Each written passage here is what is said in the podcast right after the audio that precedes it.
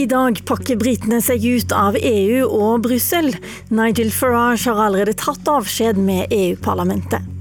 No more European Court of Justice. No more common fisheries policy. No more being talked down to. No more being bullied. I know you're going to miss us. I know you want to ban our national flags, but we're going to wave you goodbye. En jubeldag for folkestyret, mener Senterpartiet her hjemme. Norske bedrifter er ikke forberedt, advarer NHO. Det er vel muligheter for at eh, folk og lyttere der ute er lei av brexit nå. Det har virka faktisk som om britenes statsminister har vært lei lenge. Let's get it done har vært eh, mantraet hans det siste halvåret. Og i dag skjer det altså. Britene skal ut av EU. Om en time går brexit-partiet i Brussel i tog ned til stasjonen, hvor de skal starte hjemreisen til London. Dette er en jubeldag for folkestyret, sier du, Trygve Slagsvold Vedum, Senterpartileder. På hvilken måte? Fordi det var eh, over 17 millioner briter som stemte Liv eh, for tre og et halvt år siden. Og så har det vært uro da i tre og et halvt år om den skulle følge opp det eller ikke. Og når et flertall i et folk som britene da sier at nå ønsker man ikke å være medlem av EU lenger. Man ønsker å ta tilbake nasjonal sjølråderett og ha mulighet til å bestemme lover for sitt eget land i sitt eget parlament. Så er det jo veldig viktig at det blir gjennomført. Og, det er det som skjer i dag. At eh, folkeviljen blir gjennomført. Og i et demokrati og et folkestyre så skal vi ha folkesuverenitet. Og det er nå folkesuvereniteten som fungerer. Men nesten like mange briter, eh, nesten 17 millioner, de sa jo faktisk at Storbritannia burde bli værende i, eh, i, EU. Mens de som du da er på lag med, Nigel Farage i Brexit-partiet og statsminister Boris Johnson, beskyldes for en splittende retorikk. Hva tenker du om det? Det har vært altfor mye splittende retorikk i eh, diskusjonen rundt brexit. For så sa jo Donald Tusk at det finnes en egen plass i helvete, altså en av sjefene i EU. Det finnes en egen plass i helvete for de som er brexit-tilhengere. Så det har vært veldig mye ukloke ord. Og det er jo det som er litt sånn sørgelig i den runden der, når du ser både fra EU sin side og enkelte britiske talerør, har vært altfor sterke ord. For alle har jo alt å tjene på at vi ha respekt for hverandres beslutninger. Når Storbritannia nå velger å gå ut, så må også EU eh, e respektere det. Og så må man finne gode avtaler og finne felles vei framover. Men så er det jo det som var viktig. På, du sa til meg i går at du reagerer på hvordan norske medier og norsk offentlighet behandler Boris Johnson. Hva tenker du på det? Han tror jeg klarer seg veldig bra. da.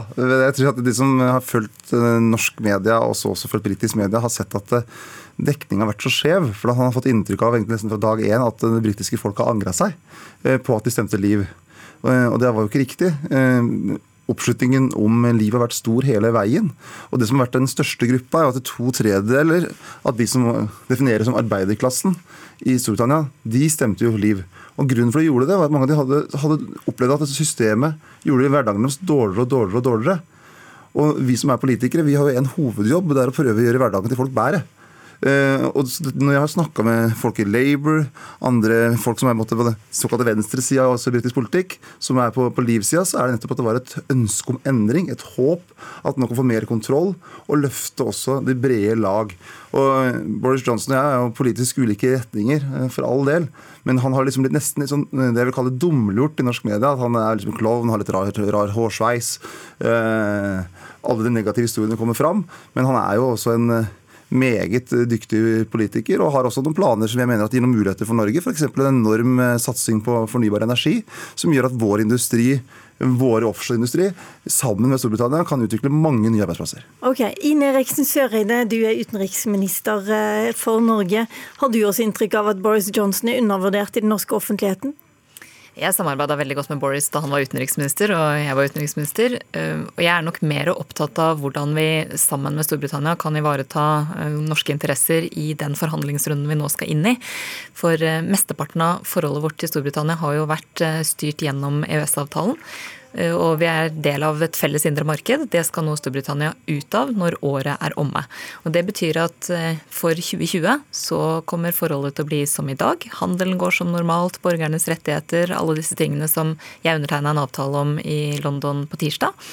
Men samtidig så må vi jo være forberedt på at det blir endringer. Fordi Storbritannia ønsker en annen tilknytning til EU og til Europa enn det de har hatt i de siste 47 åra. Og for å ta tilbake igjen det jeg starta sendingen med, nemlig at folk begynner å bli lei av brexit, så må de bare holde seg godt fast et ett år til, fordi at det meste er egentlig ikke avklart. Det neste året skal du inn og forhandle med Storbritannia eh, om eh, hvordan Norge og Storbritannia skal forholde seg til hverandre. Er vi godt nok forberedt?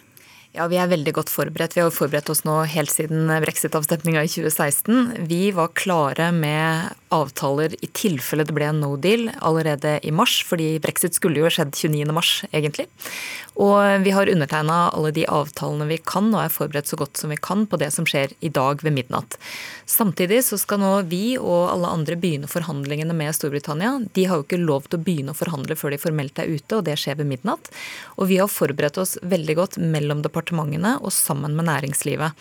Og vi har en forhandlingsdelegasjon som Utenriksdepartementet leder. Og vi har jobba godt med å være så godt forberedt som mulig. Og vi har ikke minst holdt veldig nær kontakt med Storbritannia og med EU, sånn at vi er klare til å begynne så fort Storbritannia er klare. I NHO så har man vært litt bekymra for at eh, Norge blir gående for langt bak i køen blant alle de landene som nå skal forhandle med Storbritannia. Med oss fra Brussel har vi deg, Ingebjørg Harto, du er direktør for NHO eh, i Brussel. Eh, føler du at norske bedrifter og norske myndigheter er klare for det som nå kommer?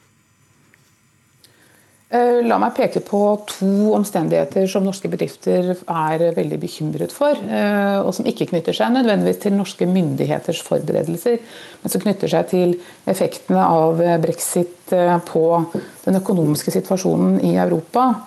Europa er jo Norges viktigste og største og nærmeste eksportmarked. Vi eksporterer mellom 75 og 80% av alt vi eksporterer til dette markedet. Eh, og det sier seg jo selv da at en økonomisk negativ påvirkning eh, av både markedet i Europa og markedet i Storbritannia vil ha negativ effekt for ordrebøkene eh, hos jobbskapende bedrifter, enten de eksporterer bildeler fra Raufoss til europeiske bilprodusenter, eller eksporterer fisk fra Stokmarknes til britiske fish and chips-markedet. Så det er en bekymring. Ehm, den andre bekymringen vi jo har, det knytter seg til at det vil bli endringer. Ikke nå, som også utenriksministeren sier, men 31.1.2020, eh, altså inngangen til 2021. Og det vil bli eh, nye eh, regler. Det vil bli en annen type markedsadgang enn man har hatt tidligere. Og det blir ikke like gode handelsvilkår som som EØS-avtalen eh, har. Hvordan kan du sånn vite det da, før man har starta med de forhandlingene? Nei, men EØS-avtalen er jo helt unik. Eh, den gir jo eh, en omfattende tilgang til et indre marked med like regler, med forutsigbarhet, med et overvåkningsmekanismer som er like for alle. Og ingen frihandelsavtaler som vi har sett så langt, inneholder den type markedsadgang. Så at det blir endringer, og det må bedriftene forberede seg på. Er de forberedt da?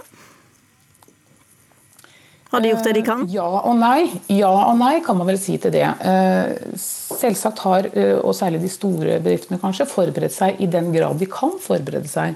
Men er jo veldig stor grad av usikkerhet hva de skal forberede seg på.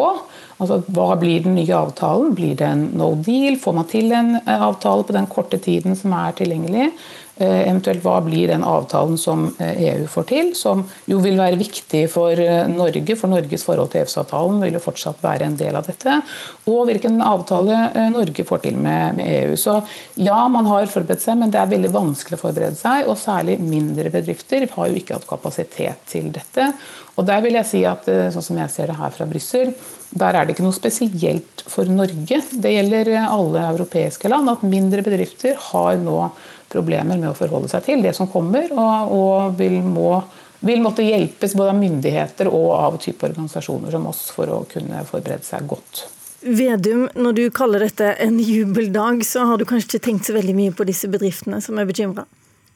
Så selvfølgelig er jo Storbritannia er jo vår største enkeltland. så Det er, det er jo vårt største handelspartner er Storbritannia. Så det er jo kjempeviktig, Men vi har jo nasjonal handlefrihet til det. Og det er den der skremminga som har vært. Det har også vært veldig mye skremming i britiske medier på hvor gærent det kommer til å gå i britisk økonomi. Også i forbindelse med brexit-avstemninga sist. For tre og et halvt år siden at bare med selve avstemninga så ville måtte, tilliten til britisk økonomi falle. Det er jo ikke riktig. Forrige uke så kom IMF med en eh, måtte, rapport på hvilket land i Europa er det som kommer til å ha best vekst i 2020. Og av G7-landene så var det Storbritannia de mente det skulle ha best vekst. Så det har vært veldig mye skremming eh, rundt eh, denne brexit-prosessen som nå pågår. Og har sett altfor lite på mulighetene. Norge har enorme muligheter. Vi har handlefrihet. Altså, vi kan inngå våre egne avtaler vi med Storbritannia. Vi er ikke avhengig av hva som skjer i Brussel, takket være at det norske folk sa nei i 1994. Men altså, nå må jeg bare si at eh, Politisk kvarter har faktisk vært på studietur til Brussel denne uka og møtte bl.a. sjefsforhandleren fra EU, som sier at det, det, er ikke snakk om å plukke ut eh, deler av EUs indre marked. Enten så kjøper man eh, det hele, eller så får man ikke de, de dealene. Så hva bygger du det på da, når, når du sier at man kan få en bedre avtale enn man har i dag? Norge vi har jo handlefrihet, for vi er ikke EU-medlem. Så vi kan jo forhandle våre egne avtaler med Storbritannia. Det, og heldigvis for det, for vi har mange felles interesser mellom Norge og Storbritannia. Sånn er det takket være at det norske folk sa nei til EU i 94, og, og Høyre ikke fikk flertall for sitt syn. Og så sa jo også Erna Solberg når det var brexit-avstemninga, at det britiske folk ville hate eh, brexit-avstemningen hvis de sa ja til brexit. De gjenvalgte Boris Johnson med enorm margin før, eh, før jul.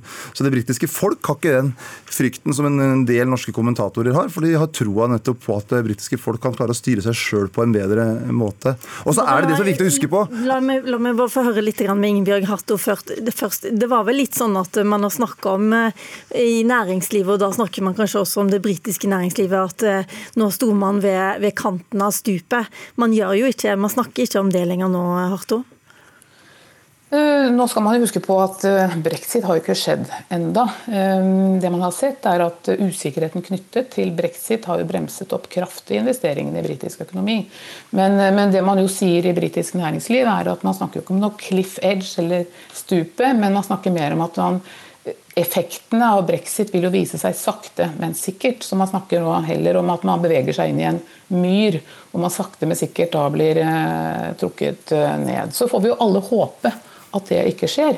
Eh, men det er det man da på en måte frykter i næringslivet der, og for så vidt i, i Norge, og jeg også hører her i Brussel, i de fleste andre land i Europa. Harto har jo rett i det, det har ikke skjedd noe, noe og folk blir egentlig bare litt sånn slitne før de, før de vet hva som skjer, ved Vedum. Det er et trist bilde at Storbritannia skal synke ned i myra og bli borte. Det er, det er, jo sånn, det er den type dommedagsprofetier som jeg tror var noe grunnen for at det også ble liv. For det ble så altfor mye sånn skremming. Og så må vi huske på at det her er jo en det her skjer for at det er sosial uro i veldig mange land. Altså Ta Frankrike for eksempel, med de gule vestene. Det er store befolkningsgrupper i Europa som opplever at sin hverdag blir dårligere, og at EU-systemet ikke klarer å løse deres problem. Og alle politiske systemer er ikke til for seg sjøl, den er til for folk. Å gjøre ting bedre.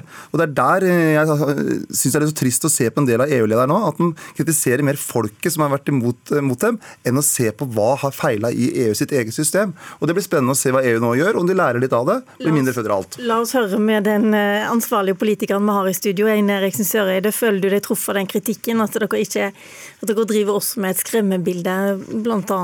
Eh, fra statsministerens side? Nei, absolutt ikke. Men vi har jo en forpliktelse til å informere folk om hva de mulige konsekvensene av en brexit er for norske interesser og for norsk næringsliv, norske innbyggere som bor i Storbritannia, som jobber, studerer, og alle som har tenkt å investere i eller på en eller annen måte ha handel med Storbritannia. Og da lurer jo jeg på nå er det altså under et år du har til å forhandle, og vi lurer på vil norsk fisk kunne eksportere til Storbritannia? Vil norske studenter kunne reise til Storbritannia? Hvordan er det med tollbarrierer? Det er uendelig mange spørsmål. Hvordan ser du på muligheten til å få på plass alt dette her i løpet av så kort tid? Og i den store konkurransen med de andre landene?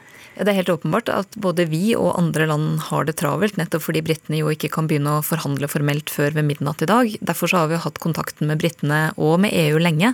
fordi selv om brexit skjer, så endrer jo ikke det forholdet vårt til EU. Og vi kommer jo fortsatt å være i EØS og i det indre marked, og den viktigheten som Harto også peker på at det har for norsk næringsliv, er helt Det kan ikke overvurderes. Samtidig så må vi jo da være forberedt på at det blir endringer i 2021. For i den perioden vi nå går inn i, dette året her, så blir det ingen endringer verken i handel eller studenter eller borgernes rettigheter. Det har vi sørga for. Men samtidig så er vi i en situasjon hvor vi ønsker å ha et nært og godt forhold til Storbritannia framover. Det gjør britene til oss også. De er vår største handelspartner, og vi er deres største leverandør av gass. Samtidig som vi også samarbeider på en lang rekke andre områder. Men det blir travelt både for Norge og for alle andre land. Og jeg er nokså sikker på at vi eh, kommer til å oppleve at vi i den, det året og den fasen vi nå går inn i, kommer til å håndtere de viktigste og største sakene først. De som betyr mest for våre gjensidige interesser. Og det kommer også de andre landene til å måtte gjøre med Storbritannia. Ok, vi får følge med ett år til, så, så, har vi kanskje svaret på om det var skremmetrusler og, og, og skremmebilder, eller om, var, eller om, det var, helt riktig å advare. Takk til Trygve Slagsvold Vedum, Ine Reksen Søreide. Mitt navn Lilla Sølhusvik.